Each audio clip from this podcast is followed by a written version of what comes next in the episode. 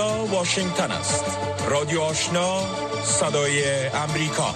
با عرض سلام و وقت بخیر شنوندگان گرامی خوش آمدید به برنامه خبری این ساعت که به میزبانی من سهر عظیمی و همکارم لیلما عظیمی برای شما تقدیم میشم. نخست توجه شما را جلب می‌کنم به مشروع اخبار افغانستان منطقه و جهان از همکارم لیلما عظیمی. سلام و صبح بخیر. مشروع خبرها. سازمان عفو بین الملل از طالبان خواست تا تطبیق حکم اعدام را در افغانستان لغو کنند. سازمان عفو بین الملل می گوید طالبان باید تطبیق حکم اعدام را متوقف و مجازات اعدام را لغو نمایند. لی ویا ساکاردی معاون موقت منطقه‌ای جنوب آسیا در سازمان عفو بین الملل این تقاضا را دیروز جمعه 23 ماه فوریه در اعلامیه در واکنش به اعدام دو مرد به اتهام قتل در محضر عام در ولایت غزنی بیان کرد. او گفته است که سازمان عفو بین الملل با مجازات اعدام مخالف است و آن را نقض حق زندگی افراد می داند همزمان با آن استفان دوجارک سخنگوی سرمنشی سازمان ملل متحد روز پنجشنبه در نیویورک به خبرنگاران گفت که این سازمان شدیدا مخالف مجازات اعدام بوده و باور دارد که ماهیت کلی این اعدام ها وحشتناک است. پیش از این هیئت معاونت سازمان ملل متحد در افغانستان یوناما پنجشنبه مخالفت شدید خود را با اعدام دو تن در غزنی اعلام کرد. حکومت طالبان روز گذشته در ولایت غزنی دو تن را به اتهام قتل در محضر عام اعدام کرد. تامس وست نماینده ویژه ایالات متحده برای افغانستان می‌گوید که در مورد منافع مشترک در افغانستان یک اجماع قوی وجود دارد. آقای وست روز پنجشنبه در شبکه اکس گفته است که به تازگی از کنفرانس دوحه به واشنگتن بازگشته نوشته است که هیچ کشور نمی‌خواهد خطر تروریسم از افغانستان نشأت کند و همه خواستار بازگشایی مکاتب متوسط لیسه ها و پوهنتون ها برای دختران افغان و بازگشت زنان به کار و زندگی اجتماعی هستند. نماینده ویژه امریکا برای افغانستان همچنین گفته است که تعهدات قوی برای کمک به افغانها وجود دارد اما نگرانی های در مورد ثبات اقتصادی و مالکیت آینده اقتصادی افغانها موجود است. بانک حدود یک ماه به آغاز سال تعلیمی جدید در مناطق سردسیر افغانستان باقی مانده است. تامس فست نماینده ویژه ایالات متحده امریکا برای افغانستان می‌گوید که همه خواهان بازگشایی مکاتب و پوهنتونها برای دختران در افغانستان و برگشت زنان به زندگی اجتماعی شانند او دیروز جمعه در یک رشته توییت ها در شبکه اکس یا توییتر سابق خود نوشته است که در مورد تامین منافع مشترک در افغانستان یک اجماع قوی وجود دارد. آقای وست که به تازگی پس از اشتراک در نشست دوحه به واشنگتن بازگشته است از انتونیو گوترش سرمنشی سازمان ملل متحد و کشور قطر برای میزبانی این نشست سپاسگزاری کرده است. در این حال شماری از دختران بازمانده از آموزش در افغانستان نیز خواهان ادامه تعلیم و تحصیل در سال جدید تعلیمی شده اند مشروح خبرهای منطقه و جهان را از رادیو آشنا صدای امریکا دنبال می کنید ایالات متحده امریکا نام سه مقام روسی را در فهرست تحریم ها درج کرد. ایالات متحده در پیوند به مرگ الکسی نووالنی مخالف سیاسی و منتقد سرسخت کرملین در یک زندان روسیه تحریم های را بر سه مقام روسی دیروز وضع کرد. ولیری بووی یارینیف یکی از این مقام هاست و ای معاون مدیر یک اداره فدرال روسیه است که بر زندانی که در آن نووالنی بر روز جمعه گذشته در گذشت نظارت می کرده است. وزارت خارجه ایالات متحده گفته است که رتبه بووی یارینیف به دنبال مرگ نووالنی بر اساس فرمان ولادیمیر پوتین رئیس جمهوری روسیه به دگر جنرالی ارتقا کرد.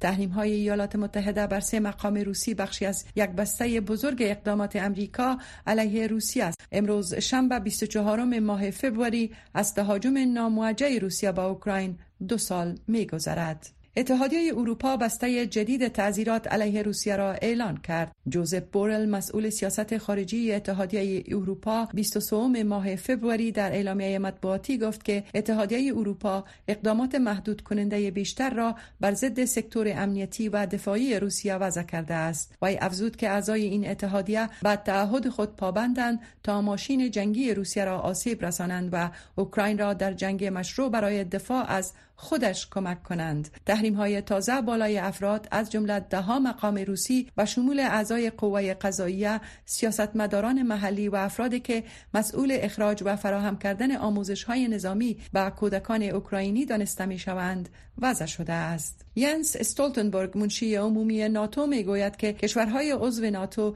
متعهدند که برای جلوگیری از پیروزی روسیه در جنگ اوکراین اقدامات بیشتری را انجام دهند و این سخن را در مصاحبه با رادیو آزادی که دیروز پخش شد گفته است. استولتنبرگ افزود که کشورهای عضو ناتو به طور قابل ملاحظه موضع خود را در فراهم کردن سلاحهای پیشرفته تر به کیف تغییر دادند منشی عمومی ناتو افزود همبستگی با اوکراین نه تنها که درست بلکه به نفع امنیت این پیمان نیز هست. ولودیمیر زلنسکی رئیس جمهور اوکراین از کانگرس امریکا خواسته است تا بسته کمکی به ارزش 60 میلیارد دلار برای کیف را تصویب کند. زلنسکی گفت این کمک مالی به اوکراین قدرت می دهد تا از خود در برابر حملات نیروهای روسی دفاع کند. به گفته وی این یک جاگزین کم هزینه برای پیامدهای پیروزی روسیه خواهد بود. رئیس جمهور اوکراین در مصاحبه با تلویزیون امریکایی فاکس نیوز که 22 ماه فوریه منتشر شد هشدار داده است که اگر ولادیمیر پوتین رئیس جمهور روسیه بر اوکراین پیروز شود بیشتر به سمت اروپای شرقی حرکت خواهد کرد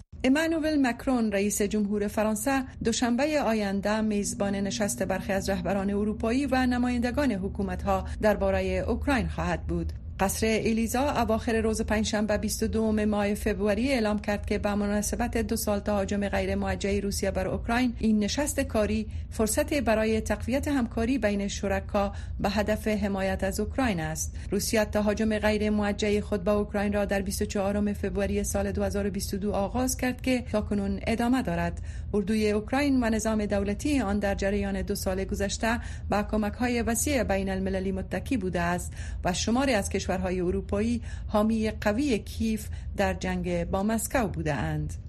به نظر می رسد که تلاش های بین المللی برای میانجیگری به خاطر تأمین آتش بس میان اسرائیل و حماس پنجشنبه شدت یافت. قصر سفید گفته است که ملاقات یک نماینده ارشد ایالات متحده با رهبران اسرائیل به خوبی پیش می رود و سایر میانجی ها نیز علایم تشویق کننده را از سوی جوانب درگیر گزارش دادند. این نشانه های تازه از پیشرفت قبل از مذاکرات مورد انتظار این هفته در پاریس دیده شده است که با حضور نمایندگان ایالات متحده امریکا، مصر و قطر صورت خواهد گرفت. در این حال موسی ابو مرزوق یک مقام ارشد گروه تندرو حماس در گفتگو با تلویزیون عربی زبان الغت که روز پنجشنبه منتشر شد گفته است که در مذاکرات در روزهای آینده پیشرفت صورت خواهد گرفت که پایان عملیات نظامی اسرائیل در نوار غزه و بازگشت بیجا شدگان به شمال این منطقه از شرطهای اساسی آن خواهد بود. گروه حماس توسط ایالات متحده و اتحادیه اروپا به عنوان یک سازمان تروریستی شناخته می شود. پایان مشروع خبرهای افغانستان جهان تا این ساعت از رادیو آشنا صدای امریکا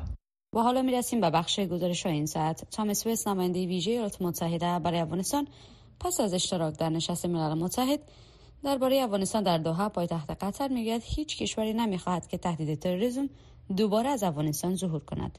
نگرانی کشورهای جهان و ویژه کشورهای منطقه از انسجام دوباره و ظهور گروه های مختلف تروریستی در افغانستان تحت حاکمیت طالبان آهسته آهسته و روز تا روز بیشتر از پیش شده است رویا زمانی در صحبتی با برخی مبصرین به این نگرانی ها پرداخته است. تام در یک سلسله پیام های اکس نگرانی منطقه و جهان را از تهدید تروریسم از افغانستان در حال بیان می کند که کشورهای منطقه از ادامه سیاست تعامل با طالبان سخن می رانند. این مقام امریکایی که به تازگی به واشنگتن برگشته در سلسله پیام های در شبکه اکس نگاشته است که همه شرکت کنندگان در نشست دوحه خواهان تأمین حقوق انسانی و اساسی زنان و دختران افغان هستند.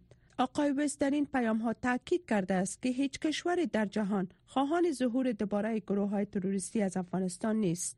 طالبان همواره حضور هر گونه گروه تروریستی را در داخل افغانستان رد کرده و گفتند که به هیچ کشوری و گروه اجازه نمی دهند تا از خاک افغانستان علیه کشور سیومی استفاده صورت گیرد اما جاوید همدرد آگاه مسائل سیاسی می‌گوید که از آگوست 2021 به این سو شواهد زیادی به چشم خورده که از حضور برخی رهبران و اعضای گروه ها و شبکه های تروریستی نمایندگی می کند.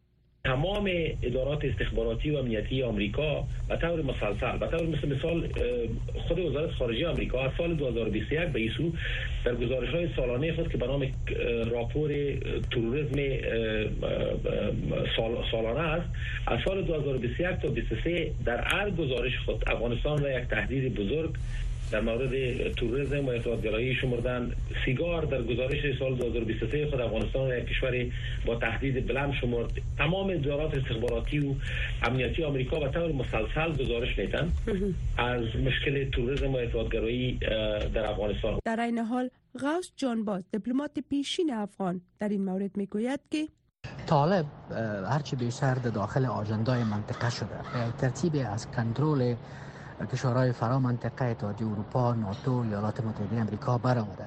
بسیار زیاد نزدیک شده به ایران مخصوصا و چین. به این ترتیب ای امو زمینه های نگرانی شدید اتحادیه اروپا و ناتو را به آورده. با توجه به پالیسی کشورهای منطقه به ویژه همسایه افغانستان در نحو تعامل با طالبان به نحو یک همسویی میان این کشورها به چشم نمی‌خورد.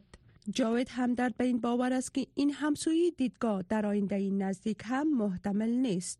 اما او بر ایجاد یک اجماعی جدید برای مقابله با تهدیدهای موجود در افغانستان تاکید می کند بیشترین توقع ما باید از افغان ها از خود مردم افغانستان باشه. مخصوصا نمی دیاسپورا یا افغان های مقیم در خارج. بیرون از افغانستان تشریف دارند ما فکر می کنم یک زمینه یک اجماع و تعامل و هماهنگی بین زمین اقشار بسیار عنوان یک بدیل ملموس در مقابل طالب یا اپوزیسیون ملموس در مقابل طالب در پیشروی جامعه جهانی قرار بگیرن و با بله. یک ارائه یک برنامه و یک روایت بسیار واضح و جامع اینا خود را خود را بدیل بشمارن یا خود را بله. بدیل پیشنهاد بکنن با این حال انتونیو گوترش منشی عمومی سازمان ملل متحد در نشست دوها گفت که مبدل نشدن افغانستان به پناهگاه امن دهشت افغانان تشکیل حکومت فراگیر متشکل از همه اقوام و اقلیت های قومی و مذهبی در افغانستان و احترام به حقوق بشر به ویژه حق آموزش و کار زنان و دختران افغان خواستهای اساسی جامعه جهانی از طالبان است. رادیو آشنا صدای امریکا منبع موثق خبرها و گزارش های جهان و افغانستان. میترا مهران یک تن از اشتراک کنندگان نشست دوها و فعال حقوق زن با ابراز خوشبینی از برگزاری همچون نشست ها در مورد افغانستان می‌گوید که با وجود بحران های جاری در اوکراین و غزه هنوز بحران بشری و اقتصادی روان در افغانستان در محراق توجه کشورهای منطقه قرار دارد.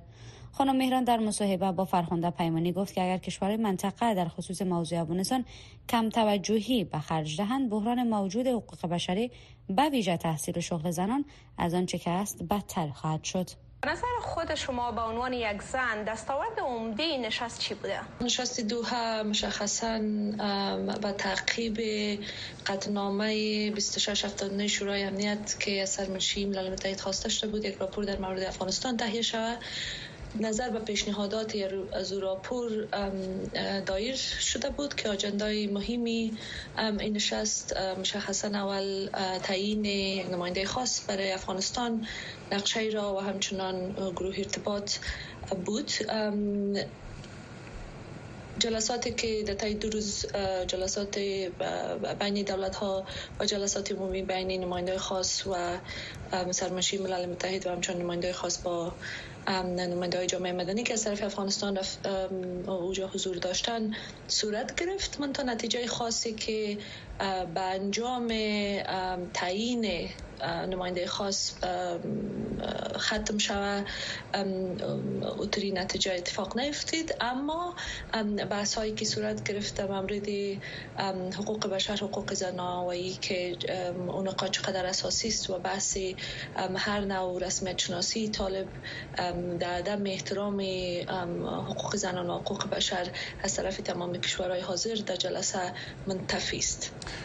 اجماع بین المللی که بتانه به وضعیت بحرانی که در افغانستان است و جوابگویی بسیار عاجل نیاز داره او اجماع بین المللی را نتانستند به صورت آموتان برسند متاسفانه کشورهای منطقه‌ای با کشورهای دیگر کشورهای بین المللی که حضور داشتن حداقل نتانستند که توافق کلی داشته باشند اما فکر می‌کنم که یک مورد بسیار مهم است که همه به این باور دارن که وضعیت بسیار بحرانی است. حقوق بشر و حقوق زنان مشخصا اقلیت قومی و مذهبی بسیار به صورت هدفمندانه مورد تبعیض سیستماتیک و هدفمند طالبان قرار دارن و باید برش رسیدگی شود. ولی مشکلی هم ما فکر می‌کنم بود که مشکلات و عدم توافق بین کشورهایی که در حضور داشتن بحث دوم طبیعی نماینده خاص کی باشه و آیا او ظرفیت زیره داره که در این زمانی که با طالبا گفتگو می‌کنه و در مورد افغانستان گپ می‌زنه با گروه های مخالف طالبا گروه های جامعه مدنی سیاست مدارا هم زنان و مردان و هم گروه های جامعه مدنی فعالین زنان معترض ظرفیت زیره داره که با اونا بتانه گفتگو کنه در مورد افغانستان و نقشه رایی را که برای افغانستان تنظیم می‌کنه تا ای که از بحران راه حل بتونه به بحران افغانستان پیشنهاد کنه و چی می‌تونه باشه جوابگو به خواستای تمام اتباع افغانستان هست یا خیر. بله. خانم مهران نبود نماینده طالبان در نشست دوحه چی تغییر را بر فضای مباحثات ایجاد کرد در اونجا؟ اگر نماینده طالبان حضور می داشت گفتنی شما شخصا چی بود برای من حیث نماینده زنان در افغانستان؟ در ابتدا آجنده جلسه قسمی تر شده بود که حتی اگر نمایندگان طالبا در دوها حضور می داشتن قرار نبود ما ببینیم. و ما فکر و من شخصا در این مرحله آماده نیستم که با طالبا روی یک میز روی موضوعی بحث داشته باشم. حتی اگر طالبا حضور می داشتن نماینده خاص جلسات دو جلسه متفاوت با ما و, و طالبا می داشت منتها خب زیادتر جلسه روی اجندای راپور میپیچید و یکی کشورها بین خود توافق کنند که برخوردشون با افغانستان در قبال افغانستان چی باشه.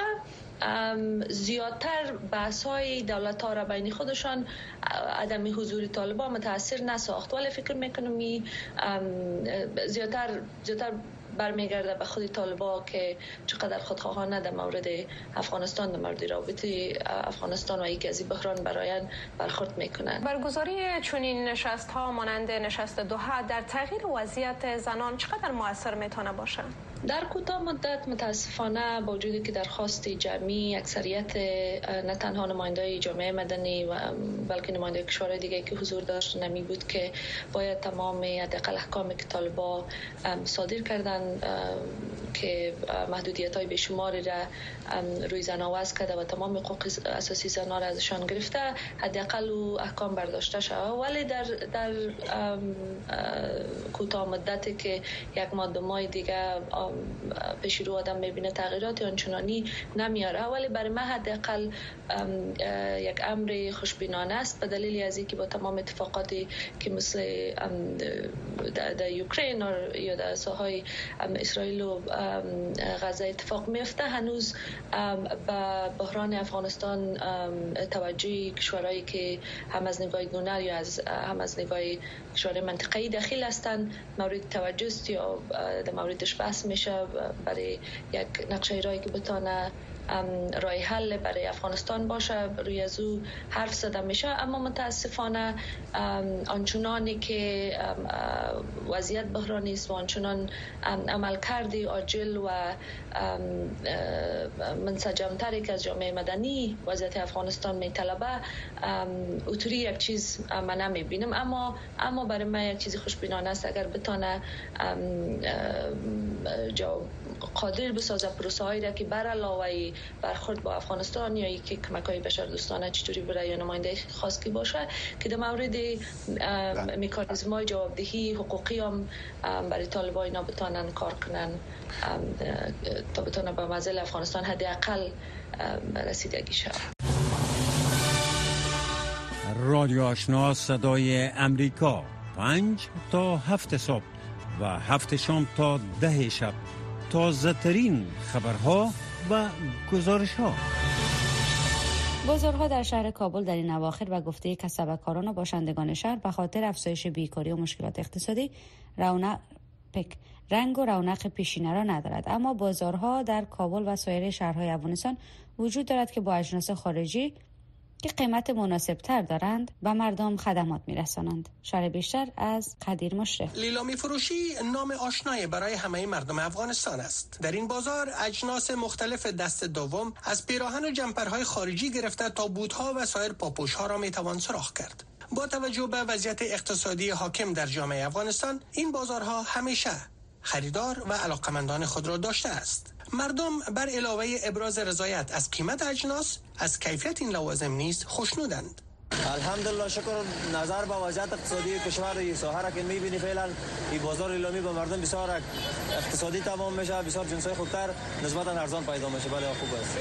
همچه طفلا از دیگه طفلا داشتیم خواستم یک جره بود برشان بگیریم. دیگه دمی رستم بود نو پیدا میشه هم لیلامی پیدا میشه رقم چنال بودای نه اکثرا چنایی میشه قدر مستقل نمیشه و دلمو یگان بودایی که میشه که از پیدا کنم. با توجه به وضعیت نابسامان اقتصادی مردم لیلامی فروشان نیز از کمرنگ شدن فروشاتشان شکوه دارند. اما می‌گویند که با همه حال با آید به دست آمده چرخه روزگارشان در حرکت است. دی لیلامی خاصیت خدای است داخل ډیر ضعیف دی. په خاطر باندې لیلامی ډیر خواهشات کوي چې لیلامی بوټونه واخلو او څه وخت کار راته وکړي. نو موږ په دې خاطر باندې لغه جن راوړو دغه تناستیو لیلامی بوټونه دی خرڅوي. صحیح د ماکامو پرې تلور 1500 روپۍ پاتې کیږي. خو لکه خلک هم ډیر خوشاله دي دینه نیست که تو خاص سودا نیست که ما منتظرش باشیم. حال مزید سودا نیست سودای بیشتر کنیم دیگه. گزاره میشم و مصرف خانه و دیگه کرای دکان و شاگرد دیگه و دیگر چیز نمیبره این در حالی است که سازمان ملل متحد اخیرا با توجه به بحران اقتصادی در افغانستان و نیازمندی های بشری در این کشور گفت که برای کمک های بشری به افغان های نیازمند در سال 2024 میلادی به 3 میلیارد دلار پول نیاز است. این سازمان هشدار داده است که نیازمندی های بشری در افغانستان در سال روان میلادی همچنان در سطح بالا باقی خواهد ماند.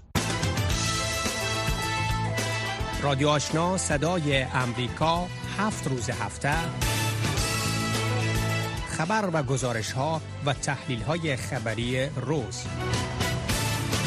متخصصان طبی به منظور تشخیص و معالجه بهتر بیماری های جدی به طور روزافزون از هوش مصنوعی استفاده می کنند با این حال با افزایش استفاده از هوش مصنوعی در بخش تبابت نگرانی های هم در مورد طرز استفاده از این تکنولوژی وجود دارد.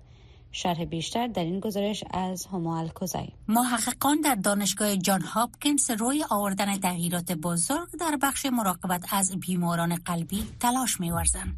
آنها حال با استفاده از هوش مصنوعی مدل دیجیتالی مشابه قلب هر بیمار را طراحی می‌کنند. تا در مورد احتمال مرگ آنی افراد در نتیجه سکته های قلبی پیشبینی صورت گرفته بتواند. ما می خواهیم دکتران زمانی که برای تداوی تصمیم می گیرند از مدل دیجیتالی ما برای ترتیب کردن پلان بهتر تداوی کار بگیرند. وقتی می خواهند پیش بینی کنند آگاهی دهد که بیماری یک فرد چگونه مسیری دارد و خطر مرگ ناگهانی یک فرد تا چه حد است. می خواهیم برای آنها از الگوریتم های هوش مصنوعی استفاده کنیم. طبق گزارش سازمان جهانی صحت بیماری های قلبی عامل اصلی مرگ میر را در سراسر جهان تشکیل می دهد تحقیق که توسط ترایانوا صورت می گیرد هدف آن کاهش این مرگ میرها با استفاده از الگوریتم است که از اسکن های هر بیمار گرفته شده. ما MRI می کنیم MRI contrast یا متفاوت قلب را.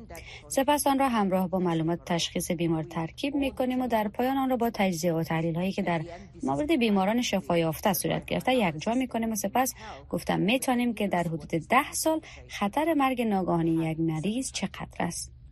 دکتر ویکتور ولکولسکو در مرکز سرطان سیدنی کیمل در دانشگاه جان هاپکینز تحقیقات را در زمینه ایجاد روش های جدید برای تشخیص سرطان در مراحل حوالیه رهبری می کند. متاسفانه تکنولوژی ها تا به امروز به ما اجازه این کار را نمی‌داد بنابراین باید برای انجام آن به روش های جدید فکر می کردیم و تکنولوژی هایی که روی توسعه آن کار می کردیم باید بگویم که تقریبا شبیه تکنولوژی بسیار مدرن است سازمان جهانی صحت در مورد هوش مصنوعی شفافیت در مورد استفاده معلومات تشخیص توسط ماشین محافظت آن در برابر تهدیدهای سایبری و ارزیابی دقیق کیفیت سیستم مراقبت های سی را توصیه می کند.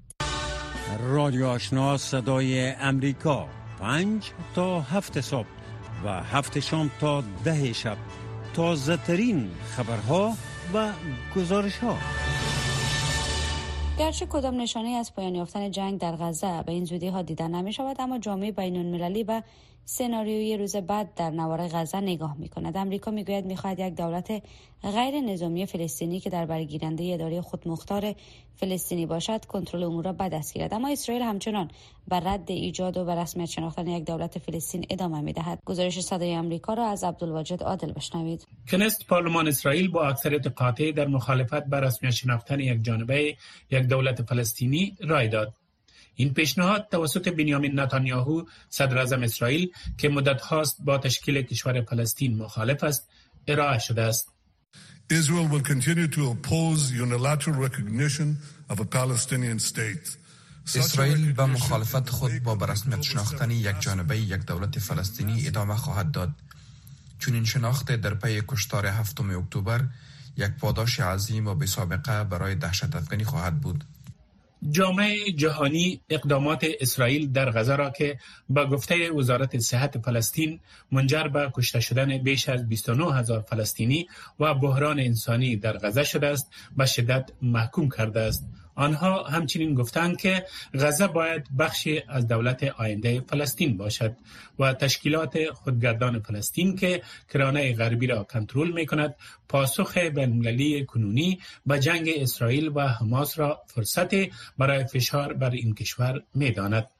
محمد شتایه صدر اعظم فلسطین می گوید جامعه بینالمللی نباید به موضوع نتانیاهو و حکومت توجه کند در عوض این مقام فلسطینی می‌گوید جهان باید برای پایان دادن به اشغال و به رسمیت شناختن یک جانبه دولت فلسطین تلاش کند و همچنین پذیرش چنین دولت فلسطینی به عنوان عضو سازمان ملل رای دهد.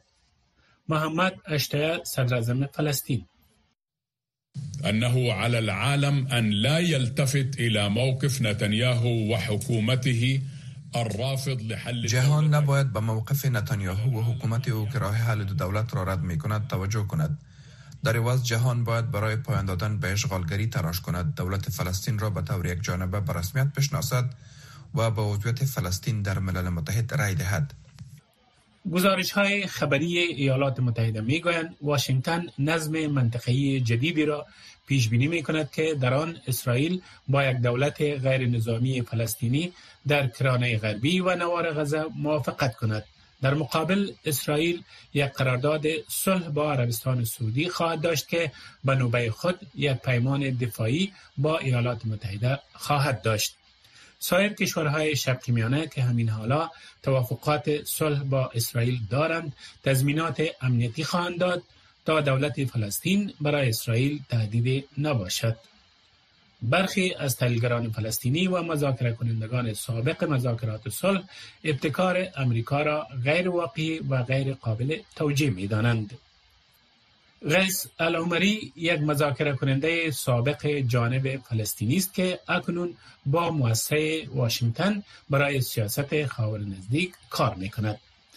When the US talks about a Palestinian state, I don't think there is much clarity about the substance. زمانی که ایالات متحده در مورد یک دولت فلسطینی صحبت می کند فکر نمی کنم در مورد مفهوم این موضوع شفافیت زیادی وجود داشته باشد وقتی در مورد آن صحبت می کنند واقعا به یک تقاضای منطقی پاسخ می دهند تا حداقل یک افق سیاسی داشته باشد این موضوع قبلا امتحان شده است. در سال 1993 اسرائیل و فلسطینی ها به همراه بل کلینتون رئیس جمهور سابق ایالات متحده توافقنامه اسلو را امضا کردند که نقشه راه تشکیل یک دولت فلسطینی را ترسیم می کند مگر هرگز اتفاق نیفتاد.